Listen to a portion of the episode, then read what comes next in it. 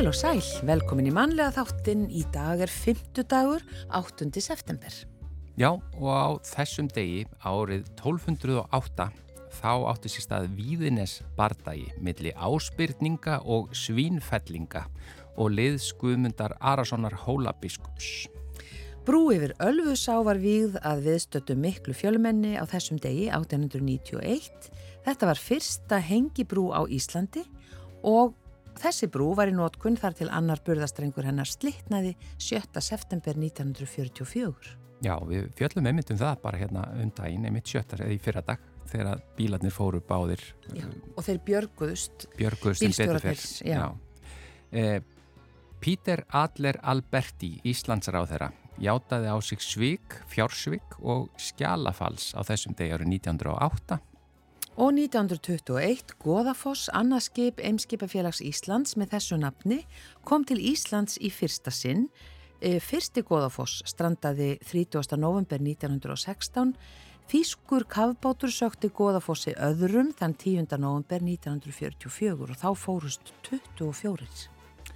Staðfest voru lögum nótkun bifriða á Íslandi á þessum degi árið 1931. Hámarksraði var hækkaður úr átján í 25 km á klukkustund e, í þjettbíli og 40 km á klukkustund utan þjettbílis. Já, hugsaður ef við hefum bara haldið þessu. Já, já. Tópaks engasölu ríkisins var aftur komið á á Íslandi 1931. Svo var það dagblæð, frjálst og óháð dagblæð sem að hóf göngu sína á þessum degi árið 1975. Þriðja hrina kröplu elda hófst á þessum degi 1977 og gaus norðan við Leirnjúk og þetta gos var nú stutt, stóð aðeins til næsta dags. Já, 200 ár voru liðin frá andláti Bjarnar Pálssonar, fyrsta landlæknis á Íslandi á þessum degi árið 1979 og var þess minnst með minnisvarða sem afhjúpaður var við nestofu á Seltjarnanissi en þar bjó Bjarni. Og 1987 50 krónar mynd með mynd af bogakrappa var sett í umferð á Íslandi. Já, mér ást hún sérstaklega flott, hún var svona næstu eins og gullmynd. Já, Já mjög flott. Og, og þetta, hún er held ég alveg ennþá í umferð en bara fólk notar þetta svo lítið í dag. Já. Já, eh, en yfir í efni þáttarins í dag, okkur var bent á Írinu Boiko en hún er frá Úkrænu og flutti hinga til lands fyrir 11 árum. Hún býr á eigilstöðum, fyrst bjón á Borgafyrði Eistri og hefur starfað sem naglafræðingur þar undanfærin ár. Eftir innrás rúsa í Úkrænu sem á hófst í februar hefur ástandið í heimalandi hennar auðvitað gjörbreyst og síðan hafa sex meðlimir fjölskyldu hennar komið til landsins en þau þurftu að yfirgefa heimili sín vegna stríðsins.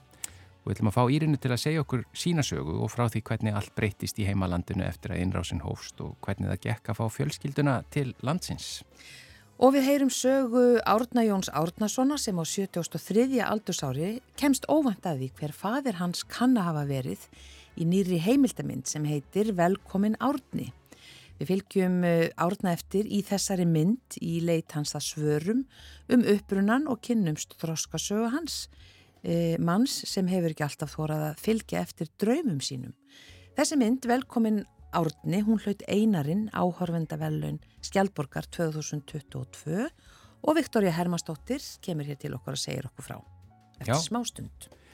Og við höldum áfram ferð okkur um leikúsin og fáum að vita hvað er að dagskráni vetur í þetta sinn er það Tjarnabíó, Sara Marti Guðmundsdóttir er leikústjóri þar á bæ fáum hana til að segja okkur frá því hvað er í bóði þennan leikvetur í leikúsinu við tjötnina þar sem að frjálsu leikkóparnir hafa gætna nátt gott atkvarf. En við byrjum á spilverki þjóðana Lazy Daisy.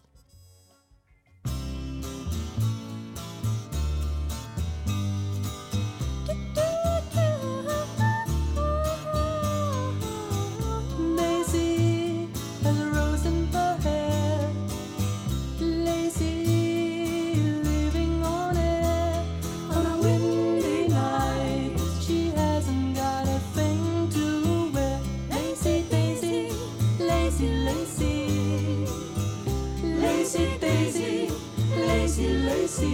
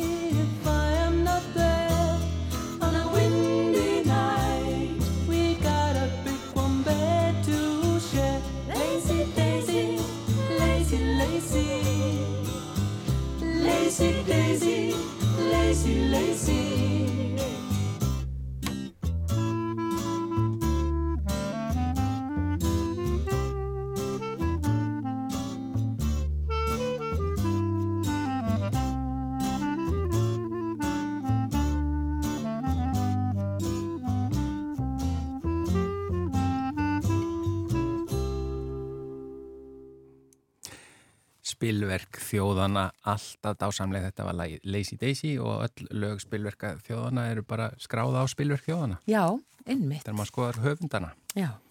En eins og ég sögum ykkur fyrir eh, örfám mínútum þá uh, er það þessi heimildamind sem eru frumsýnd 14.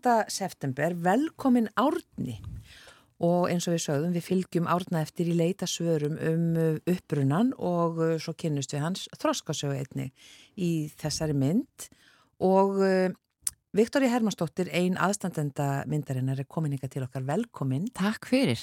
Og hinn er Alan Sigursson. Já. Já, bara svo nafni hans ég haldi á lofti. Já, já, já, já. Við eh, gerðum þetta saman. Já, við gerðum þetta saman. Uh, hvaðan svona sprettur hugmyndin eða svona hvar heftustu árna fyrst? Já, þetta byrja nú bara allt hérna á seitt. Hérna þegar ég gerði ástandsbörnin sem var þáttaröð sem að fjallaði um börn íslenskra kvenna og erlendra hermana og í framhaldinu þá hafði sagt, e, bandarsku maður sambandið mig sem heiti David Balsam það hefði eitthvað bent honum á mig að því hann var að leita mögulegum hálfbróðu sínum í Íslandi. Pappans hefði sagt honum rétt að hann dó að hann hefði eignast són á Íslandi en hann vissi ekkert um afdrif hans. Þannig að David ætti mögulega bróður hér á Íslandi. Já. og hann var búin að leita í nokkur ár og og ykkur hluta vegna á þessum tífumpunkti um, það voru nokkur ár síðan að fara að það látist. Þannig að hann ákvað þarna að fara að byrja að leita. Og þá var ykkur sem að bentunum á að það var nýlega búið að gera þáttarinn sem fjallaði um svo kvöldið ástandsbörn. Þannig að við fórum að leita og þetta var svona aldrei svona ævintirlega leit. Ég setti bara eitthvað status á Facebook og, og þá kom einn sem að fór að grúska og, og þetta endaði með því að við fundum þennan mann sem heitir Árni Jón Árnarsson og sem að var þessi mögulega hálfbróður við, og ég gerði þátt um það hér sem að heitir Á ég bróður á Íslandi. Já, og bara aðeins svo að því sem haldi til haga þá er búið að setja hann aftur inn í spilaran þennan þátt. Einmitt, inn á rúfúnduris Já, ef fólk vil fara og hlusta. Já, einmitt, og þar var, var svona var, var þessu, þessi leit öll við töluðum um hana og, og fylgdum því öll eftir og, og kynntum svo árna í leðinni sem að er alveg stórkastlegur karakter og alveg einstök manneskja. Og einhvern veginn leðu ég gerði þáttinn þá langaði mér svolítið að taka þetta lengra og, og, og bara að ég fann líka fólk bara langaði svolítið bara að sjá átna og kynast honum betur og, og allt þetta. Þannig ég ákast strax að gera heimildamind eftir ég gerði þáttinn og og óðunáttlega bara stað með það, ég kann ekkert að gera heimildamindir Þú kann mjög vel að gera útvarpsheimildarefni. Já, en þetta er bara svolítið svona maður bara þarf að gera til þess að læra. Og þannig að við ég fór að stað og, og fekk allan með mér í það að gera þessa mynd. Og svo bara skelltum við okkur til bandreikjana til þess að koma staði hvort að þetta væri fjölskyttarnas átna að því að í útastættinum þá svona það lítur allt út fyrir að þetta sé sem sagt hans sé þessi möguleg hálfbróðir. Mm. en það er svolítið svona þetta er svolítið sérstakar aðstæður. Þannig til dæmis þessi, þessi mögulegi fadir var tvítur þegar hann var í Íslandi en mammas átna var 47 ára þegar hann áttan þannig að það var svolítið svona að mikill aldursmunur og, og við vitum ekkert um hver, það hvernig þeirra hvernig þeirra samband var eða hvernig það var og allt þetta. Hafði átni einhvað reynd að grafast fyrir um? Já, hann hafði svona hann hafði ekkert reynda á sínu fullónsárum en hann hafði reynda eh, sem barn að spyrja móðu sína að því. En svo dó móður hans þegar hann var bara já, rétt um 15 ára gammal Já, þannig hann, hann fekk aldrei svör. Nei, og hún vildi aldrei svara hann eitt um þetta. Hún sagði hann að þetta væri bara einhver hermaður Já. og svo gaf hann um eitthvað svona vildi, vildi ekkert tala um það, þetta var eitthvað óþægilegt mm. og hann lýsir því að mitt hvernig hann einhvern veginn uh, já, fannst hann alltaf vera utanveldu og svona eins og já, einhverjir vissu eitthvað sem hann vissi ekki að það var eitthvað svona óþægilegt í loftinu sem einhvern veginn skýrðist aldrei Það var eitthvað í, svona... í, í hans fjölskyldu hér Já, þetta var eitthvað svona lindamál sem var ekki rætt. Þetta Já. var svona eitt af þessum hlutum sem bara eru en eru ekki rættir og þá kannast líklega flestir við það. Mm. örgulega ofmargir Já, þannig að þetta er svona, en, en þetta er ekkit bara sagan af þessu, af því að svo þegar maður kynnist árna þá er hann svo bara stórkostlegur og hann er svo, hann er svo áhugaverð persóna, þannig að þetta er, ég lít miklu meira á þetta sem bara myndina um árna. Mm.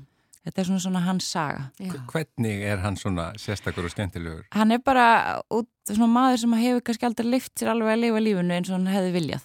Veist, Hann hefur alltaf verið svolítið að, að já, kannski af því að það er eitthvað, var eitthvað í æskan svona eitthvað lítið lindamál sem var ekki talað um og það var, er eitthvað svona, það er eitthvað, eitthvað, eitthvað flókið hana. Þannig að hann hefur svona alla sína æfi kannski svolítið bara verið að hjálpa öðrum, fjölskyldumæðlimum, hann hefur ekkert alveg svona þórað að stíga fram og, og, og lifa sínu lífi. Nei. Þannig að þetta ævintýri var mjög stórt skref fyrir hann að, að fara eitthvað svona út og þetta var langt út fyrir hans þægindana en hann gerði það mjög vel Já, þannig að hann fer þarna með eitthvað til bandaríkina Já. Já.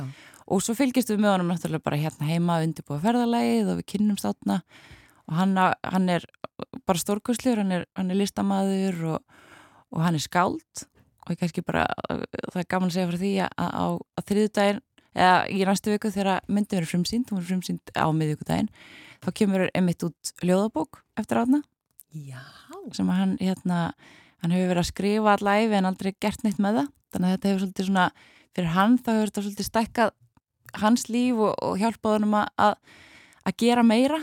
Já, og stíga út fyrir sinn þægindarama akkurat Ég Allt sáðu mitt stiklu úr myndinni í Bíóparadís í gerðskvöldi og það er mitt kemur eða það er sem sagt er sínt hvað hann er að horfa á sjónvarpið og, og hérna talar um að, að ég, því skildna vilja ferðast eitthvað þegar hann hefur bara allan heiminn þarna í sjónvarpinu. Í sjónvarpinu? Getur ferðast Já, um allan heiminn á tannhátt einmitt, hann hefur svolítið verið bara einmitt, svona kannski ekki endilega mikill þáttakandi en, en bara svona tekið já, þátt í lífin og sinn hátt en eh, kannski ekki alltaf leift sér að gera nákvæmlega það sem hann myndi kannski helst vilja. Akkurat. Þannig að hann hefur svona fylgst einmitt sittið fyrir fram á sjónvarpið og tekið myndir af því sem að, að hefur verið að gerast þar.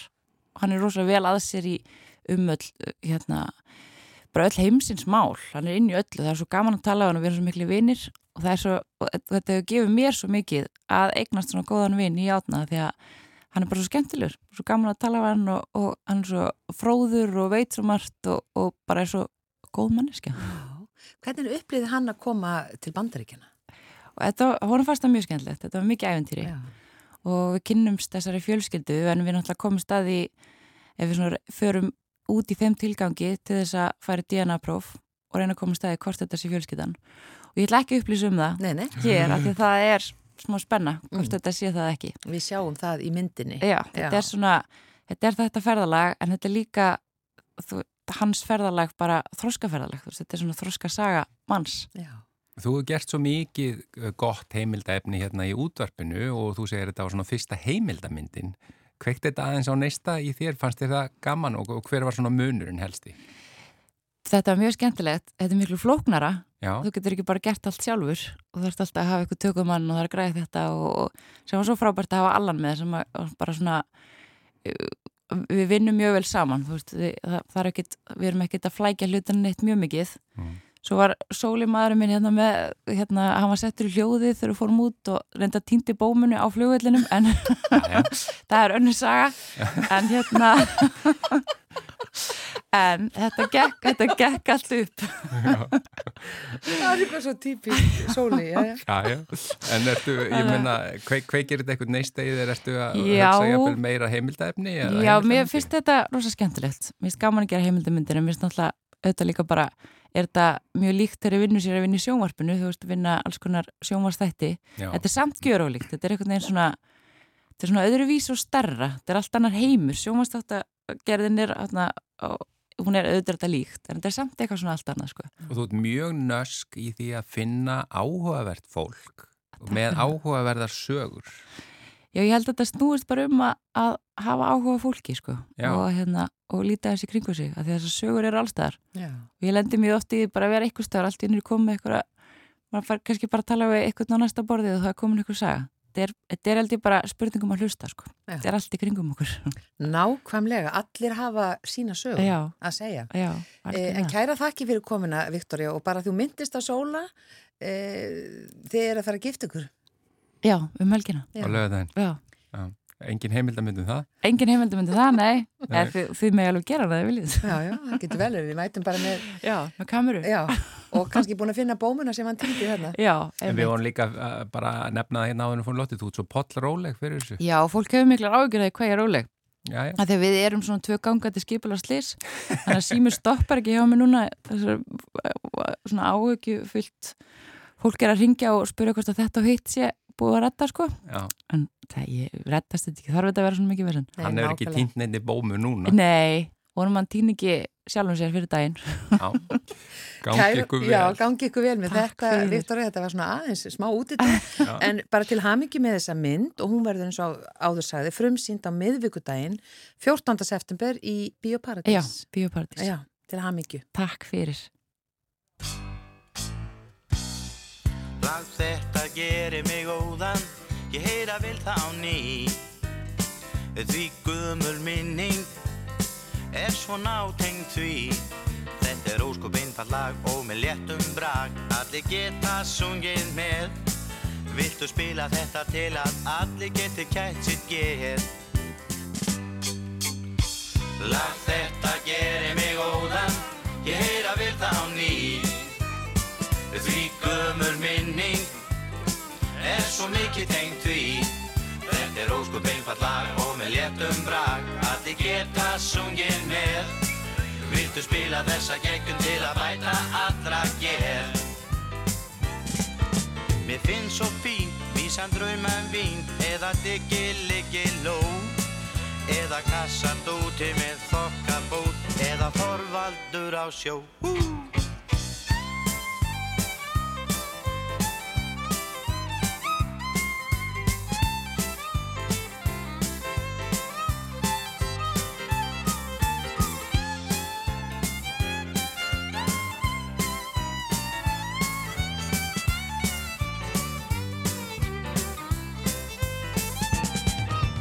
Syngur hátt og ég syng látt Allir syngja með þig kór.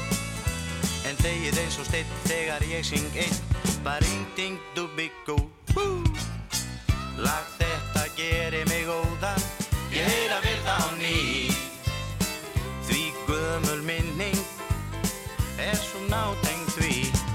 Þetta er óskum einfall lag og með léttum brag. Allir geta sungið með Viltu spila þetta til að allir geti bætt sér geð?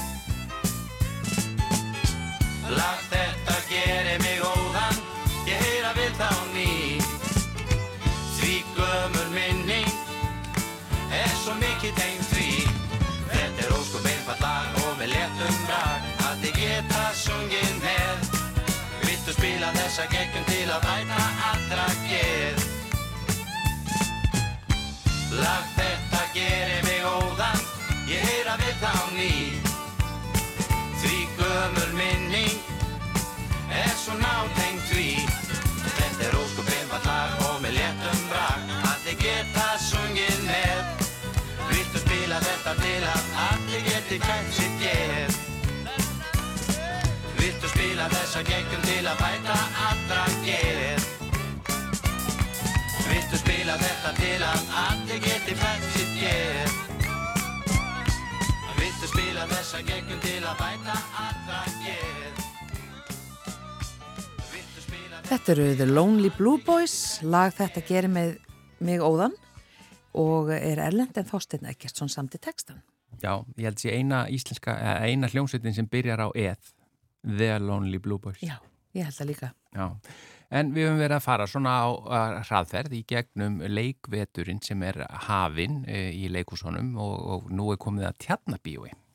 Hingaði komin Sara Marti Guðmundsdóttir, velkomin í manlega þáttin. Takk fyrir kærlega. Það er nú aldeilis af nægu að taka hjá ykkur í vetur. Já, það er óhægt að segja það. Það er yfir 25 frumsýningar hjá okkur í vetur, þannig að við erum öll bara svolítið, við erum spennt en við erum líka á haus að hérna reyna að halda utan með um þetta allt saman. Og toppar þetta ekki öll hinn leikúsin? Jú, jú. Já, jú, jú. Með flesta síningar? Já, já, já, já, já, já. Og, bara, og ekki bara það, það vinna sko fleiri í hérna, verktöku í í tjarnabíu heldur en í þjóðlíkusnu til dæmis.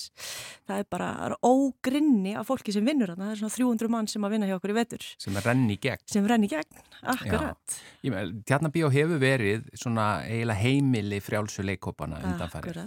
Frjálsu atvinnu leikópana. Já og það er engin breyting á því, en þetta eru mjög mismunandi síningar af mismunandi starragrafu eða ekki? Já, vegna þess að senan líka bara búin að breyta svo mikið á síðustu tíu árum, þú veist, þar sem áður voru bara leikhópar og danshópar eru núna líka kabaretthópar og sirku, þú veist, bara atvinnu sirkuslistahópar mm -hmm. Og improvhópar og óperu, þú veist, ég með þeir fá hvergi hérna, heimilega annar staðar, óperuhóparnir litlu, mm. þannig að þeir koma til okkar sem er náttúrulega bara útrúlega gaman, við, við erum glöð með þetta, við viljum bara hérna, að sé gróska í senunni sem að svo sannarlega er en við erum bara sprungin Já. Og hérna þurfum bara að fá annars við undir alla þessa starfsemi. Já, er það bara, það er málið? Já, við þurfum bara, hérna, ég þarf í raun og veru bara vikulega að vísa frá, hérna, ekki bara leikópum heldur líka bara hljómsveitum og það bara, það vantar svið. Það vantar það svið. vantar svið í Reykjavík. Og, og sérðu þannig svona ná, já, nátt ykkur. Já, já, já heldur betur, við erum nú bara með lausnuna við hliðina okkur.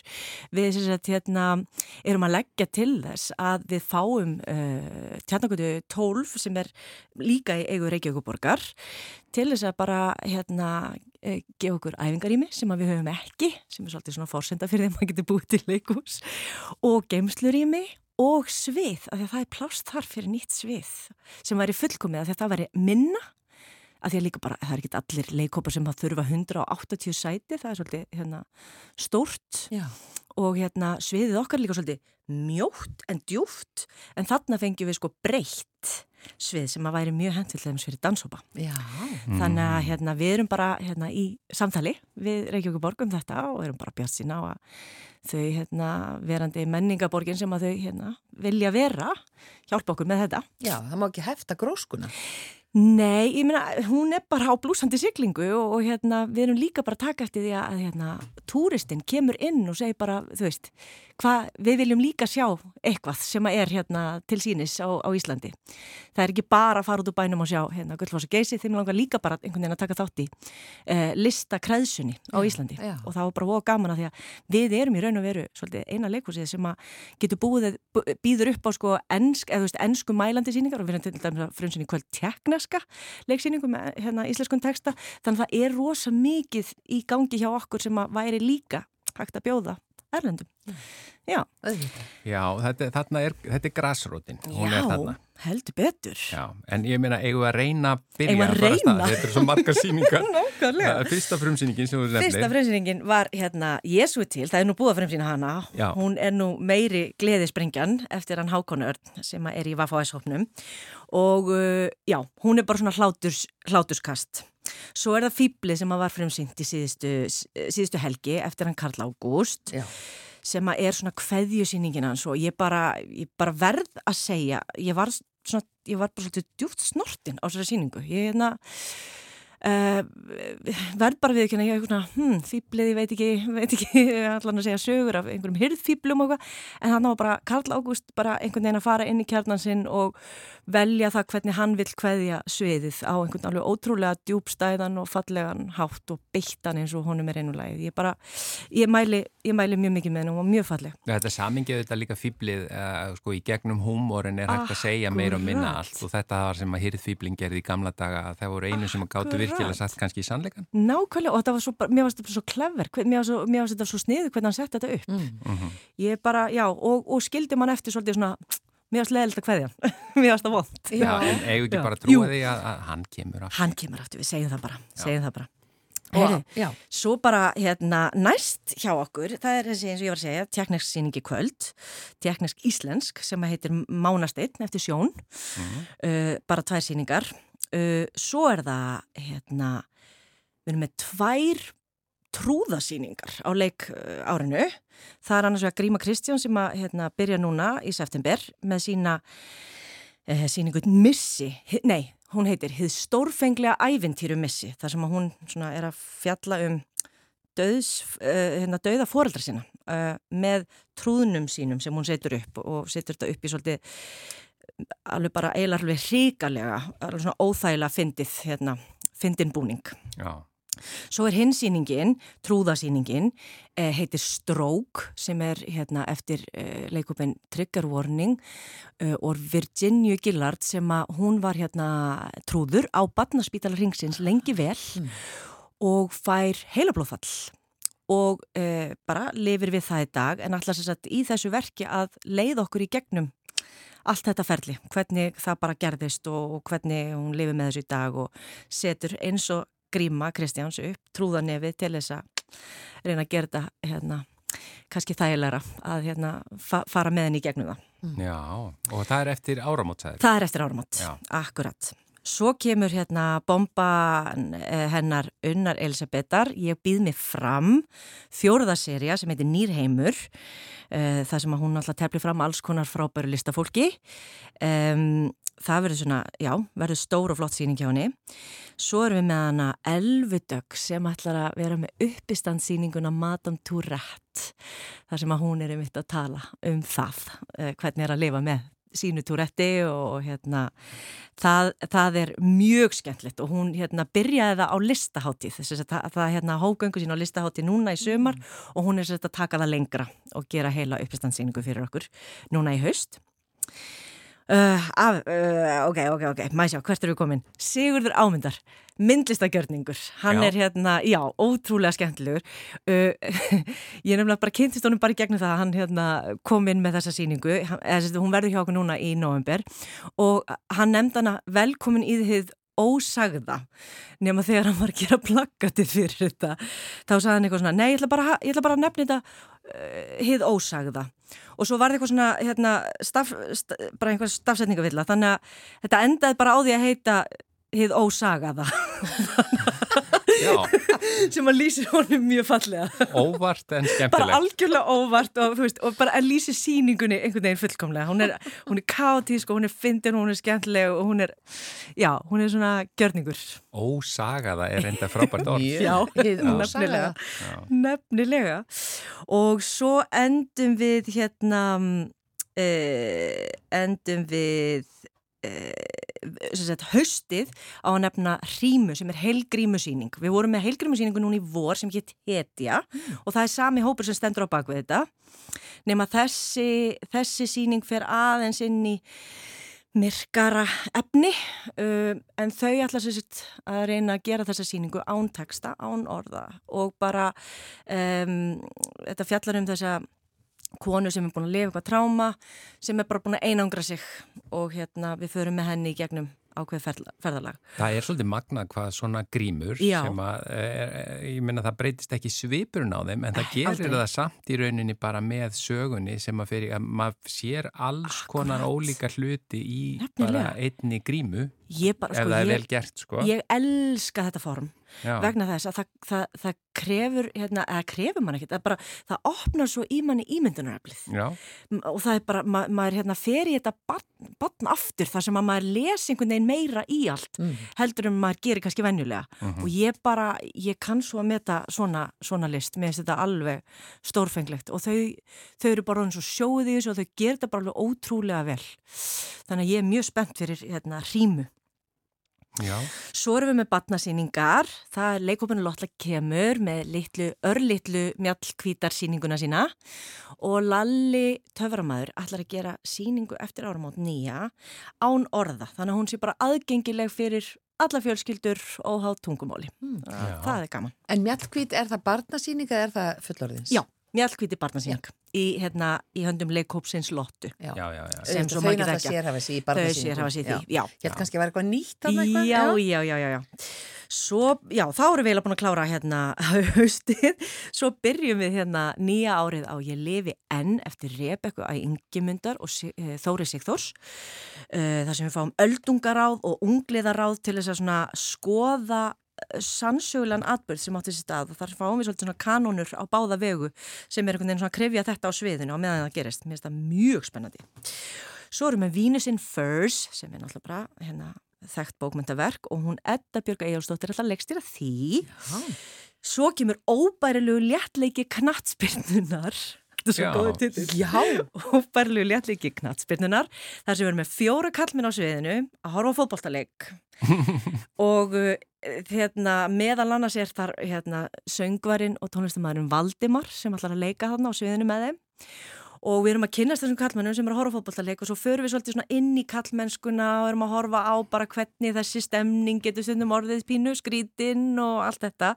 Fáum að kynast þeim svona individuali eða svona já, einstaklingunum og það sem er skemmtilegt við þessa síningu er að það eru þessi fjóri kallmenn á sviðinu en allt listræna teimið eru konur Já, já. já, þetta verður mjög skemmt. Er, þetta þá hvernig konur sjá okkur í þessu samhengi? Ég veit það ekki, þetta verður eitthvað. Ég er forvitin með þetta. Já, ég líka. Það er náttúrulega, já, þáttakendur og líka oft vittni. Já, áhörvendur stundum að okkur vera, verandi áhörvendur. já, svolítið svo les. Svo kemur hérna djöfelsi snillingur, sálfræðitrillir í, hérna, í uppsetningu Reykjavík Ensemble sem er bara hérna, leikópus samsettur af útlendingum hér Já.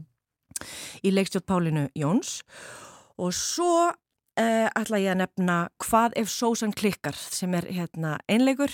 Það er Gunnela Holmarsdóttir sem var að útskrifast á Suðshundabraut sem er að búa til. Þetta er svo áhugavert. Hún gerir sér að hérna, leiksýningu byggða á sko, matriðslubókum síðustu aldar og bara skoða sko, tauga áföll hvenna út frá uh, þessum hérna, matriðslubókum. Við þurfum að fá hann í matarspjalli. Já, ekki spurning. ekki spurning. Og hún býður fólki í sjómarsall og við sjáum bara þennan kokka þátt hennar fara svolítið til landskotans hérna. og uh, svo síðast bara vil ég nefna allar hátíðin sem er í gangi í okkur. Við erum með Reykjavík Dansfestival og Unga og við erum með Fringe og svo við að vera með fullt af viðbörnum á nýja litla sviðin okkar. Við erum að búa upp til pínu, pínu liti svið. Já. Það sem að verða, ég ætla ekki eins og að reyna að fara í gegnum það alls saman. Hérna, þú er búin að standaði mjög vel, segi, bara á, á ekki lengri tíma, búin að koma og nokkurnu og ég menn að það fara inn á tjarnabíu.is. Heldur betur, sko, heima, ne, nýju heimasíðin okkar. Já. Já. Það er bara magnað, sko, með við alla þessu upptelningu og þú sko nefndir alls ekki allt, Nei. að það eru hvað, þrýrfastir stafsmenn? Já, já, við, við eiginlega komumst ekki, já, já það er bara, já, ástæði til annarar umfyllunar. Já, En Sara Marti Guðmundsdóttir, leikustjóri í Tjarnabíu, þakka þér innilega fyrir að koma í manlega þáttin. Takk fyrir mig.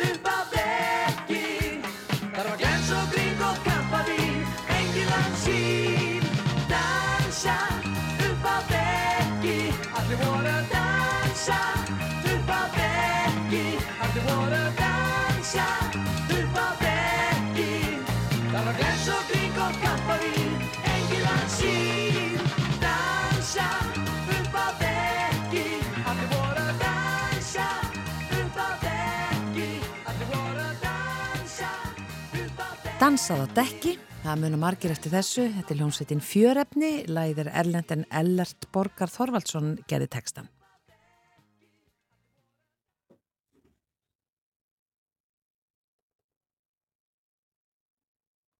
Já, við erum komin í samband við uh, Egilstaði. Uh, á línunni er Írína Boiko, kontu sæl og blessuð. Góðan daginn. Þú ert uh, fætt og uppalinn í Úkrænu, ekki satt, og, og fluttir Já. hingað 2011. Segð okkur nú aðeins frá því hvernig það kom til. Um, það fyrst eh, kom til Ísland uh, frændi mannsins minn Já, og hann, hann byrjaði að vinna á Seyðisferði. Svo hann flutti til Borgarfjörða eistra já, og ég held það var ár cirka 2005.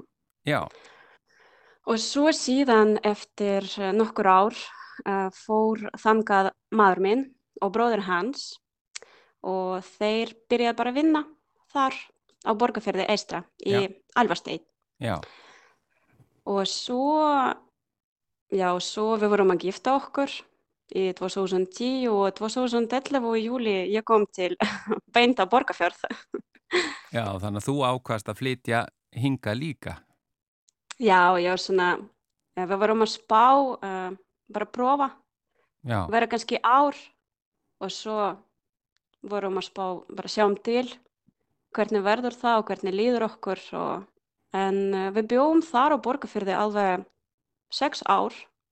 Já, ég, ég byrjaði að vinna fyrst, ég var alveg nokkra manni að vinna hjá Gallasveins í já, físverkun já, og það er mjög skemmtileg mjög, veist, það var rosa mikið nýtt fyrir mig held annað líf Hvernig var að, að sko, hvaðan, hva, hvaðan kemur frá Úkrænu og hver var munurinn að koma til Íslands? Ég, er frá, ég, er frá, ég er frá Tjerkassi, það borg uh, og um, búa þar 350.000 manns, næstum eins og allt Ísland. Ísland. Já, já. Og svo borgarfyrði var um, 100 manns, ég held cirka, kannski pluss minus svona 20 manns meira. já, Og svo, veist, en ég kom í júli, það var alveg brjáða mikið að gera þar á borgarfyrði, fullt af turistum og fullt af fólki, fullt af gestum. Og svo þegar kom vetur, já, það var mjög skemmtileg. Ég bara, um, hvað er fólk? já, þá er ekki mjög hvað margir. meinar þú? Við mögum ekki fara á eistæðir. Lokað. ekki hægt að gera. Já, já, já, Það var svoleiðis, marga spurningar. En það var eh, svona, veistu, mjög skemmtileg, uh, skemmtileg reynsla. Hvernig voru til dæmis, sko, að því ég veit að sömrin eru náttúrulega talsvert hlýrri í Úkrænu, en hvernig var veturinn hér í samanburði við Úkrænu? Uh, það var ekki jafn kalt, veistu, í Ukraínu miklu meira frost. Það geti verið alveg mínus 20 stiga frost. Já, En uh, það uh, á borgarfyrði, ég hef aldrei séð meira en mínus eitt. einmitt. Það verður ekkit gríðarlega var- kallt. Nei, nei, en svo um, fullt af fólki er að hugsa sem ískalt á Íslandi, alltaf snjór og fólk bara heima í snjómhús, svona snjóhús. Já, já, já, við heyrum En það það er ekki reglulega. satt, ekki svo leiðis, Einmitt. nei. En, en sko, En þú, ert síðan, þú ert naglafræðingur ekki satt. Va, Já, varst, hafður já. unnið við það í Úkrænu? já, já, alveg, uh, hvað, alveg þrjú ár, Já, alveg þrjú ár áður en ég flutti til Ísland. Og svo, já, ég er að segja, það var mikið breyting fyrir mig, af því ég byrjaði að vinna í físverkum já, og það var allt öðruvísi. já. Og, og hvernig fóstu svo yfir í það að stunda uh, naglafræðina hér á Íslandi? Á, á Íslandi það bara um, konur byrja að frétta sem ég gera neglur og konur byrja að koma frá eilstöðum til mín á Borgarfjörð. Já, Ég var alveg, ég bara man ekki, ég held cirka ár, ég, ég vann heima og svo ég byrja að keira til eilstæðir Já, og svo bara flutti fyrir fimm árum síðan. Ég flutti til Eilstæðir og alveg 100% starf í þessu. já, og ert með stofu þar Ég- núna. Ég er, með, ég er eh, sjálfstætt starfandi. En sko, svo breytist auðvitað allt núna í februar þegar uh, rússar gera innrás í Úkrænu, þá breytist allt ástandið í heimalandinu uh, og þá kemur upp svo staða að, að eh, fjölskyldumeðlim þínir uh, þurfa bara að flýja eigin heimili ekki satt. Já, það er sagt. Þeim miður. Hver, hversu mörg eru þau? Ég meina, það kemur ekki fljótt upp að, að þau komi hingað til ykkar ekki satt. Já, já, það var um, hluti af fjölskyldunni minni komu hingað. hingað. Uh, það uh, voru sex manns Já, og um, það var rosa erfitt leið, veistu, þau voru alveg næstum sex daga á leiðinni til Ísland og um, það var rosa erfitt eh, fyrir um, allar já, og þau komu bara hingað með, veistu, pínu lilla bakboka og það var mikið stressandi, mikið stressandi. já. Hva, þau eru sex sem að komu. Á hvaða aldri eru þau? Það er frá sjö ára og alveg uppi 55 ára. Já. Og, Það kom mamma mín, mákona með son, vinkona með son og frænka. og, og hvenar, hversu fljótt komu þau eftir að innrásin hófst? Um, eftir tvær vikur. Já. Og, og hvernig hefur þetta allt saman gengi og hvernig gekk þetta fyrir sig þegar þau komu og, og að, að finna sér stað á nýjum stað? Uh, það var fínt, veistu, það var mjög erfitt og ég var ekki, ég var ekki, ég var ekki sjálf tilbúin að hafa svona marga gesti á sama tíma og um, en uh, veistu, Íslandingar, þau tóku rosa vel á móti öllum flötumönnum Já, á Íslandi og sérstaklega hér á Östurlandi eins og mín fjölskylda og það var fjölskylda, fjölskylda vinkonu minni sem eru frá Úkrænu líka. já, Þau voru saman 12 manns hér á Eilstöðum já, og fólk um, sem eru heima hér á Eilstöðum borgarfyrði, bara á Östurlandi, um, þau voru að hjálpa, þau voru að koma með fött, mat, uh, skór, uh, peningar, mm, bara leikföng fyrir krakkar, bara með allt. Já, og veist, það er mjög dýrmætt, mjög og við erum mjög þakklátt fyrir allar, bara endalaus. já. Hvernig var með húsnæði og annað slíkt? Þu- Þurftu þau að flytja var- inn til ykkar eða? Já, þau voru heima hjá okkur alveg þrjá mánuði. Já. Það er rosa erfitt að fá húsnæði hér á Östurlandi Já, og sérstaklega á Eistöðum. Og við eigum uh, hús með fjóru svefherbergi og við vorum tíu saman í þessa húsi. Það var svolítið þröng en mjög örug og um, veistu, allt í lagi. Það var, það var betra, já, miklu betra en, en vera í Úgrínu á þann tíma. já. Það hefur ekki verið gott ástand þar á meðan en svo fenguðu húsnæði eða hvað? Mm, það, já, mákona mín, hún flutti á Borgafjörð. Borgfyrðingar tók á móti henni og sonur hans. Hún fekk vinnu og húsnæði. Já, Hann fekk pláss í skóla já, og þetta 14 ára strákur, veistu, svolítið erfitt uh, aldur. En uh, hann uh, mjög heppinn að það er frænka mannsins mín sem eru 12 ára og hún er að tala úkreinsku og íslensku. já. Hún var að dulka og hjálpa honum að skilja. Og eru þau á þessum ekki lengri tíma, eru þau einhvað farin að ná að, að skilja íslensku og jafnvel tala? Mm, ég get segja reyna. Já. Íslenska er svolítið erfitt. Já, ég meina hvernig var það fyrir þig? Hvað varst, tók þig langan tíma að ná svona góðum tökum á málinu? Á, takk fyrir. ég er ennþá að læra og ég er með góða kennarar. Veistu, ég byrja að tala ekki svo langt síðan. Uh, það, konur, við skipta vinnir Já, minn. já, Uh, þær eru að kenna mér já. já. alltaf og hjálpa. En hver, það þurfti að fá eða ekki kennitölu og finna vinnu Já. fyrir þau sem komu. Hvernig gekk það Já. allt saman? þetta, þetta var svolítið, þetta svolítið erfitt saga af því ég var um, alveg rembast við útlendingastofnu cirka sjö vikur Já, og á meðan uh, flotamenn sem voru í Reykjavík þau voru að fá kynnitólu eftir 5, 7, 10 daga, virkadaga já, en uh, þegar ég var að hringja og spyrja um eitthvað þjónustu hér sem þarf það ég fekk oft svar sem við eigum ekki þjónustu út á landi. Velkomin á Hafnafjörður já, einmitt. því miður, veistu og þetta var mjög erfitt fyrir allar. Já, mjög erfitt. En uh, mér langar að segja sem Ísland þetta er ekki bara Reykjavík og fullt af uh, útlendingum hér á Östurlandi og við þurfum að fá þjónustu líka já. Þannig að það þarf þyrfti að bæta úr því.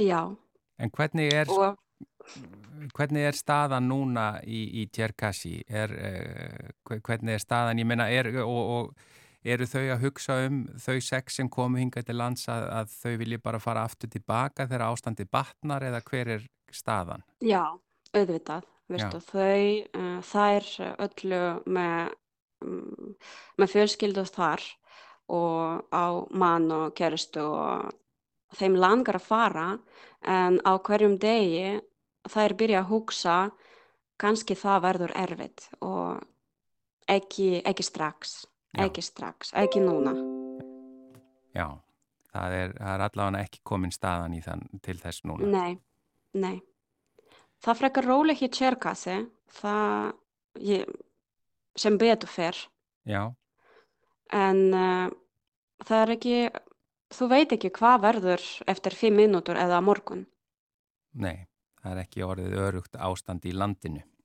nei, alls ekki En uh, þakkaði kjallega fyrir Írina Boiko fyrir að segja okkur aðeins þína sögu. Við kannski mögulega fáum að heyra bara aftur í þér síðar hvernig gengur. Það er gott allavega að það eru allir krakkarnir með, komin í skóla og flestir ef ekki allir Já. komin með vinnu eða hvað? allir, allir með vinnu og þú fengur vinnu bara strax uh, uh, þegar var kynutala Já, já, það, já, þegar hún var bara komin. alls konar vinna og allstaðar vinna Já, og þeim líður ágætlega hér. mjög vel, mjög vel. Mjög gott að hafa rútínu veistu, það er mjög gott að hafa rútínu og hafa vinnu og hitta fólk fyrir eh, fólk sem er að hugsa allan tíma um stríð og allan tíma eitthvað svona neik, neikvægt, frettir Já, já þakka þér kærlega Írina Boiko fyrir að segja okkur uh, sögu ykkar og við sendum bara bestu kveður austur og, vonandi fyrir nú þetta ástand að batna. Bara takk kærlega fyrir. fyrir spjallið. Takk sem ég leiðis, takk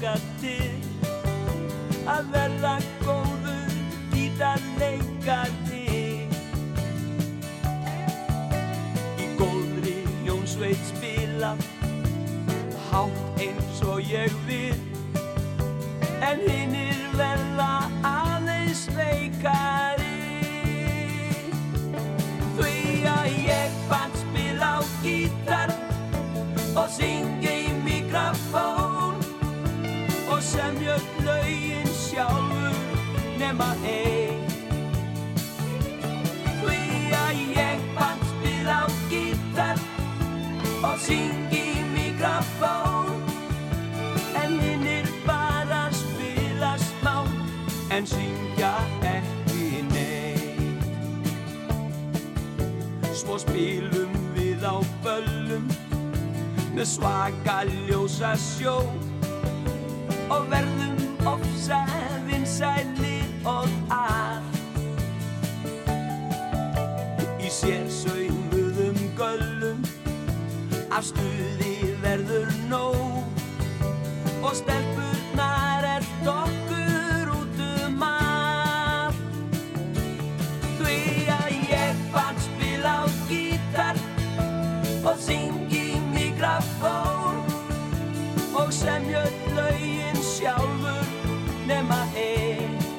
og semja öll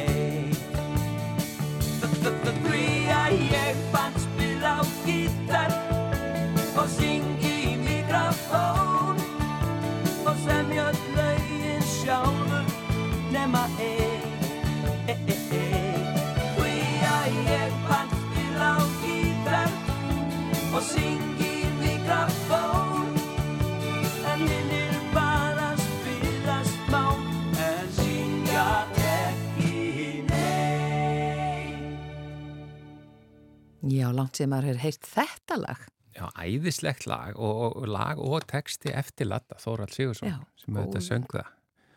Og, og ég meina, en svo er frábært að ég pant spil á gítar, maður mann það alltaf en svo heitilega ég pant spil á gítar mannana Já, en er, hann er svo góður lagahöfundur og textahöfundur. Og söngvari. Og söngvari. Já, Með þessu, hverjum við ykkur hér í mannlega þættunum að morgun er föstudagur og þá eru við með föstudagsgest sem heitir Þurriður Siguradóttir, sönguna og e, myndlistarkona og hún ætlar að sitja líka í matarspjalluna því að hún, henni er nú margt til listalagt í eldúsinu. já þetta verður óskaplega gaman Já. það er bara gott að þið vitið af þessu þið takið frá tíman milli 11 og 12 á morgun En takk fyrir samfélgina. verið sæl